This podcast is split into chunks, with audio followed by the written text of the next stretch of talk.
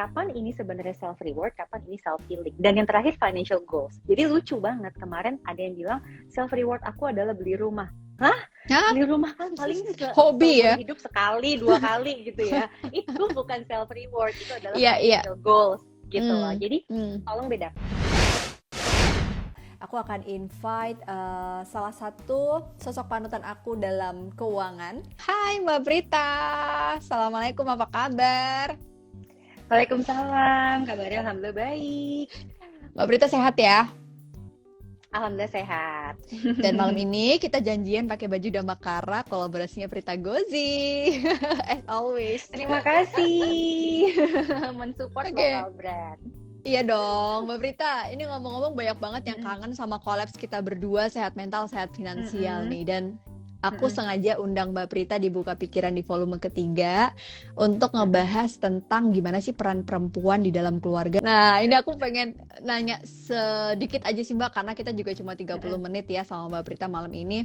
Sebenarnya seberapa penting sih Mbak eh, wawasan finansial gitu menurut Mbak Prita gitu ya sebagai ibu nih jawabnya sebagai ibu sebagai Mm-mm. istri ya bukan sebagai financial planner karena kalau financial planner pasti Mbak Prita juga jago dong gitu tapi kalau perempuan tuh penting nggak sih Mbak belajar tentang finansial ini Mm-mm. Sebenarnya lebih luas lagi nggak cuma ibu, tetapi memang perempuan secara keseluruhan itu penting sekali memiliki wawasan finansial. Mhm. Dan sebetulnya kalau ditanya literatur, studi, Mhm. researchnya itu sudah banyak sekali yang mengungkap bahwa kalau perempuan itu memiliki wawasan finansial, maka Mhm. bukan hanya dirinya dia yang akan terangkat, tetapi juga keluarganya. Jadi jangan Hmm. berpikir keluarga itu hanya benar-benar oh dia harus sudah menikah berarti uh, suaminya gitu ya atau anak-anaknya. Tetapi meskipun ini perempuan misalnya masih lajang pun, tetapi keluarganya secara keseluruhan tuh akan terangkat apabila perempuan Mhm. ini memiliki wawasan finansial. Jadi jawabannya Hmm, penting luar biasa. penting banget ya artinya Mm-mm. ini udah banyak studi dan literatur juga ya Mbak ya kita sering bahas juga bahwa Mm-mm. eh, artinya mau siapa pun sumber pemasukan yang berkontribusi di keluarga kalau Mm-mm. perempuan nggak bisa mengelola itu akan jadi PR ya nanti ke depannya ya Mbak Bener, bener, bener Oke. banget.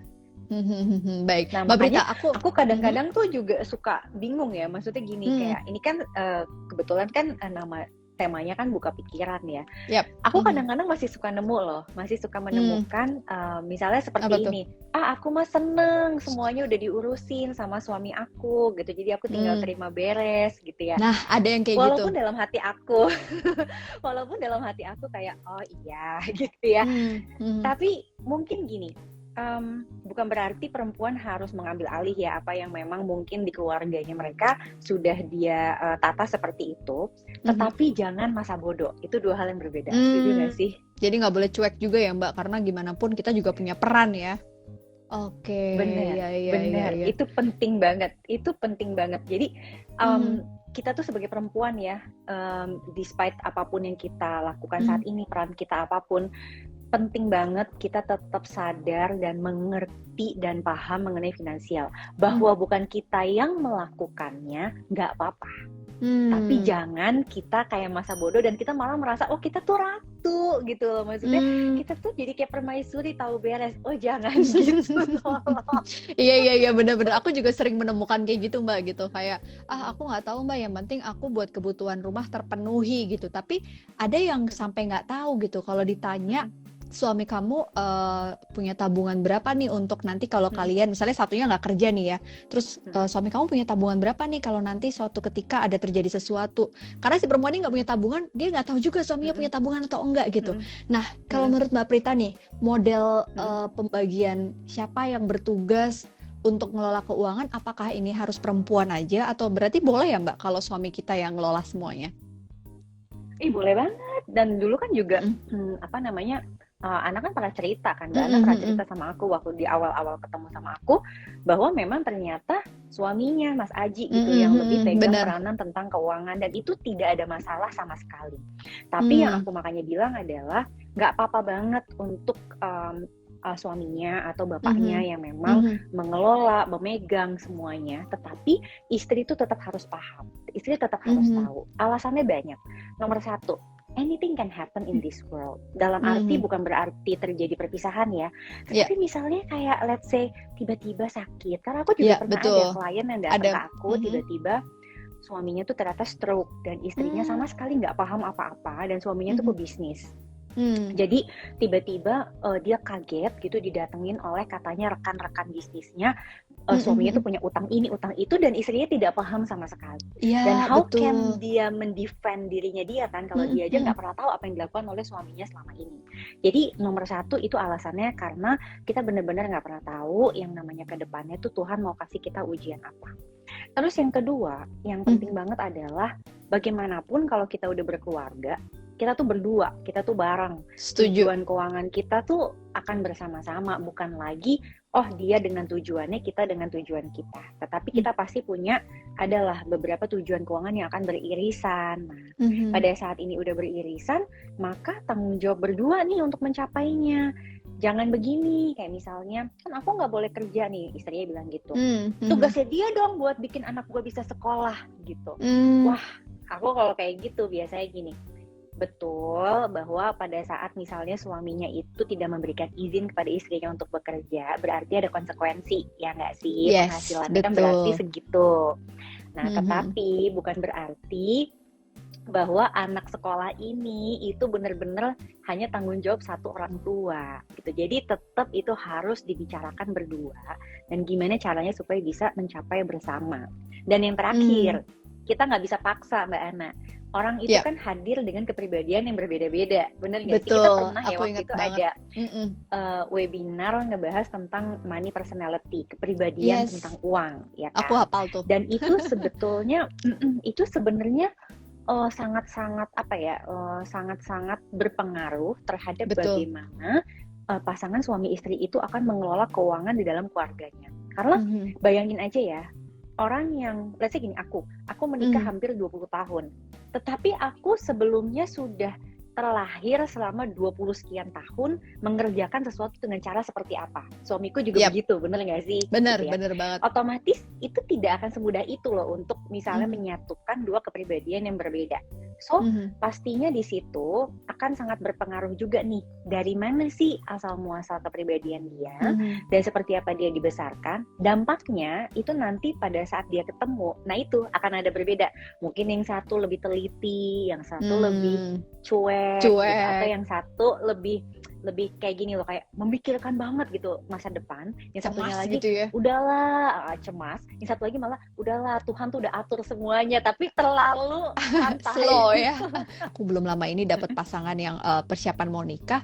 Jadi ternyata itu sudah terdeteksi. eh, kita kan sering juga ya kolaps dulu sebelum eh, pandemi, eh, selama pandemi ini kayak sebelum pernikahan tuh apa aja sih yang dibahas. Nah ternyata ada juga loh yang nggak tahu gitu pasangannya punya utang berapa, terus nanti boleh kerja atau Mm-mm. Enggak. Dan pada saat udah Mm-mm. menikah tuh kayak istrinya ya udah jadi istri, ibu rumah tangga, atau misalnya istrinya kerja, tapi nggak jelas gitu loh siapa yang ngelola uang dan akhirnya jadi sumber salah satu Mm. sumber masalah dalam keluarga. Itu Mm. Mbak Prita juga sering dapat kasus itu ya, yang datang untuk konsultasi. Mm-mm. jadi kalau ditelaah ternyata akar-akarnya ya karena itu paling gampang gini kenapa sih sampai sebuah keluarga punya banyak utang itu Hmm. pasti salah satu dari suami atau istrinya itu punya permasalahan tidak bisa menahan gaya hidup itu udah Nah, pasti Itu dia. itu selalu yang aku temukan Hmm. Um, terus yang kedua, ada yang memang uh, kayak gini. Mungkin waktu masa pacarannya, Mm-mm. orang ini diperebutkan nih oleh banyak orang. kemudian uh, Primadona akhirnya gitu ya. Terus akhirnya menikahnya sama yang ini. Nah, kemudian jadi si si suaminya ini merasa bahwa dia harus membuktikan bahwa kamu memilih saya tuh nggak salah gitu. Hmm, Jadi Jadi akhirnya- bucin ya. benar dan memang ini fakta jadi sampai rela berutang berutang demi memenuhi kayak apa ya istilahnya kayak oh kamu kalau aku udah menikahi kamu eh, aku udah janji menikahi kamu Hmm. jadi kamu akan aku kasih segala macam gitu loh. padahal Pokoknya nggak sebenarnya kemampuannya gitu tidak ya. di situ pokoknya nggak boleh Hmm. susah padahal sebenarnya kemampuannya nggak di situ jadi kayak semacam membohongi em, Hmm. apa namanya kemampuan finansial sendiri nah ternyata lama kelamaan makin bertumpuk bertumpuk akhirnya tidak bisa memampu menyelesaikan utangnya gitu loh. Jadi itu Hmm. hal-hal yang juga kerap aku temuin di lapangan selama 12 tahun aku sebagai uh, financial consultant. Wow, itu bener Mbak. Aku juga sering banget nemuin yang akhirnya ujung-ujungnya ke perceraian gitu ya. Karena kayak semacam bom aja gitu. Entah istrinya, entah suaminya. Pokoknya kalau ada ketidakterbukaan dalam uh, finansial tuh jadi salah satu sumber mereka pisah.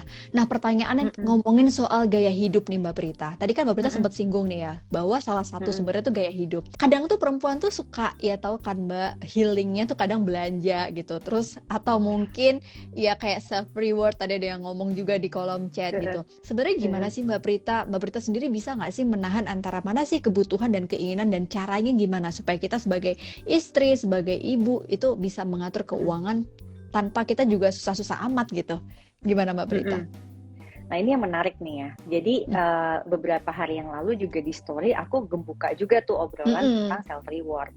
Pertama sebelum kita memilih gaya hidupnya apa, kita paham dulu nih arti dari apa yang mau kita ambil itu antara self care, self reward, self healing, sama financial goals. Ini empat hal yang berbeda. Oke. Self care menurut aku itu harus dipraktekkan oleh semua orang kapan pun. Ya. For example, kita uh, tidur cukup, Mhm. kemudian uh, kalau aku kebetulan muslim ya, berarti kan pasti sholat lima waktu. Yap. Terus udah begitu, hmm, apa namanya minum vitamin dan lain-lain. Mhm. Ya, sadar diri lah gitu loh orang usia Merawat kita diri ya. bertambah, merawat Mhm. diri. Self care is a must gitu loh. Jadi Yes. itu sebetulnya tidak membutuhkan banyak biaya karena itu adalah lifestyle yang memang harus kita pilih. Itu adalah Betul. self care. Setuju. Terus yang kedua adalah uh, self reward. Oh, Hmm. bahasanya aja reward. Otomatis reward itu datangnya setelah perjuangan, betul nggak sih? Benar, benar banget. Harus ada sesuatu yang kita kerjakan terlebih dahulu, and then Mhm. achieve, and then kita get rewarded.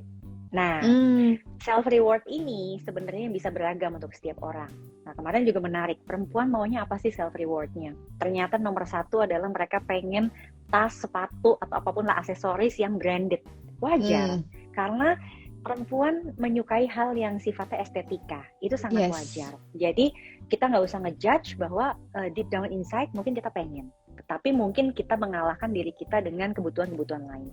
Terus ada juga yang bilang makanan, minuman, jadi comfort food. Terus udah gitu ada yang me time, jadi berarti, uh dia saking sibuknya barangkali ya, jadi Tidur aja udah seneng ya. tidur nggak diganggu ya, atau Kadang ada misalnya gitunya. drakoran nggak ada yang nanya gitu kan, Mm-mm. kadang-kadang sering ya drakoran terus ada yang pertanyaan tuh kayak sidang Ngegengges gitu. ya. Ini Heeh. apa? Itu Ini gimana? apa? Ini apa? Udah bodo amat kayak gitu gitu ya. Iya, iya, iya. Nah, itu itu itu menarik sekali. Nah, Mm-mm. jadi Mm. artinya apa? Self reward itu bisa uh, membutuhkan budget, bisa enggak. Artinya kalau kita memang me- menyatakan diri kita bahwa kita butuh nih self reward yang Hmm. uh, ada budgetnya dan kita Mhm. harus siapin budgetnya. Itulah kenapa ada yang namanya post planning. Hmm. Tapi kalau misalnya Oke. enggak pun it's okay. Jadi kayak kemarin juga ada yang bilang, wah makin gak relate nih sama akun Mbak Prita. Apa uh, Oh iya? karena uh, sama kita ya karena kita self rewardnya cuma makan mie instan. Terus aku bilang aja, oh mohon maaf soalnya Prita nggak terlalu suka mie instan, sukanya bubur sumsum jadul sama cilok. jadi, jadi Beda ya? kan punya Punya food beda-beda ya. semasing-masing. Betul, benar banget, Benar. Mbak. Nah terus tadi Mbak Ana ngomong self healing. Nah ini Hmm, menarik hmm. karena menurut aku psikolog tuh pasti tahu banget. Hmm, Yang hmm. namanya self healing itu kan sebenarnya gimana kita mengatasi luka dalam batin kita, Betul, bener nggak? guilt Dan- ya. Mm-mm. Itu kayaknya sih deng- tidak dengan beli barang kalau pe- pengalaman aku ya. Yes, betul. Bener nggak? Benar, kita harus nyadarin nggak? apa yang bikin kita eh, nggak nyaman dan kita selesaiin itu gitu. Ya nggak sih, Mbak? Kan psikolog yang lebih tahu kan. Hmm. Self healing itu tidak dengan membeli barang. Jadi sebenarnya sekarang harusnya teman-teman kita yang dengerin kita ini itu ngerti bahwa Mm-mm. shopping does not heal you. ya nggak sih? Yes. Jadi um, you need to understand dan membedakan kapan ini sebenarnya self reward, kapan ini self healing. Dan yang terakhir financial goals. Jadi lucu banget kemarin ada yang bilang self reward aku adalah beli rumah. Hah? Hah? Beli rumah kan paling se- Hobi ya? hidup sekali dua kali gitu ya. itu bukan self reward, itu adalah Iya, iya. financial goals gitu Hmm. loh. Jadi Hmm. tolong bedakan kalau financial goals itu memang things yang kita butuhin tapi butuh uang untuk memperolehnya let's say kayak beli rumah ganti mobil Yep. naik haji bahkan menikah ada yang bilang self rewardnya menikah aku sampai ya Allah gitu kan jadi Oke. jadi itu menurut aku harus dibedain banget dan Banyak yang salah kaprah ya. Yes, Mhm. perempuan itu harus mampu membedakan empat hal itu. Kalau kita mampu Hmm. membedakan empat hal itu, dan we understand kita sebenarnya lagi butuh yang mana, Ya. dan kalau memang itu membutuhkan uang, kita mampu untuk mengelola keuangan keluarga kita supaya itu bisa tercapai. Wow, ini menarik banget, Mbak. Aku juga jadi kayak baru paham gitu ya. Selama ini kan karena kita sebagai ibu, sebagai istri di era yang sangat terbuka informasi, kadang-kadang jadi salah kaprah antara self care, self reward, terus tadi juga ada self healing sama uh, financial goals gitu. Itu Goal. Mungkin kayak butuh butuh pemahaman yang lebih karena ini juga kaitannya sama perencanaan keuangan dan juga kehidupan kita. Intinya perempuan itu harus punya wawasan tentang finansial. Kenapa? Mm-mm. Karena sumber stres uh, atau tadi ya sumber masalah dalam keluarga salah satunya adalah uang.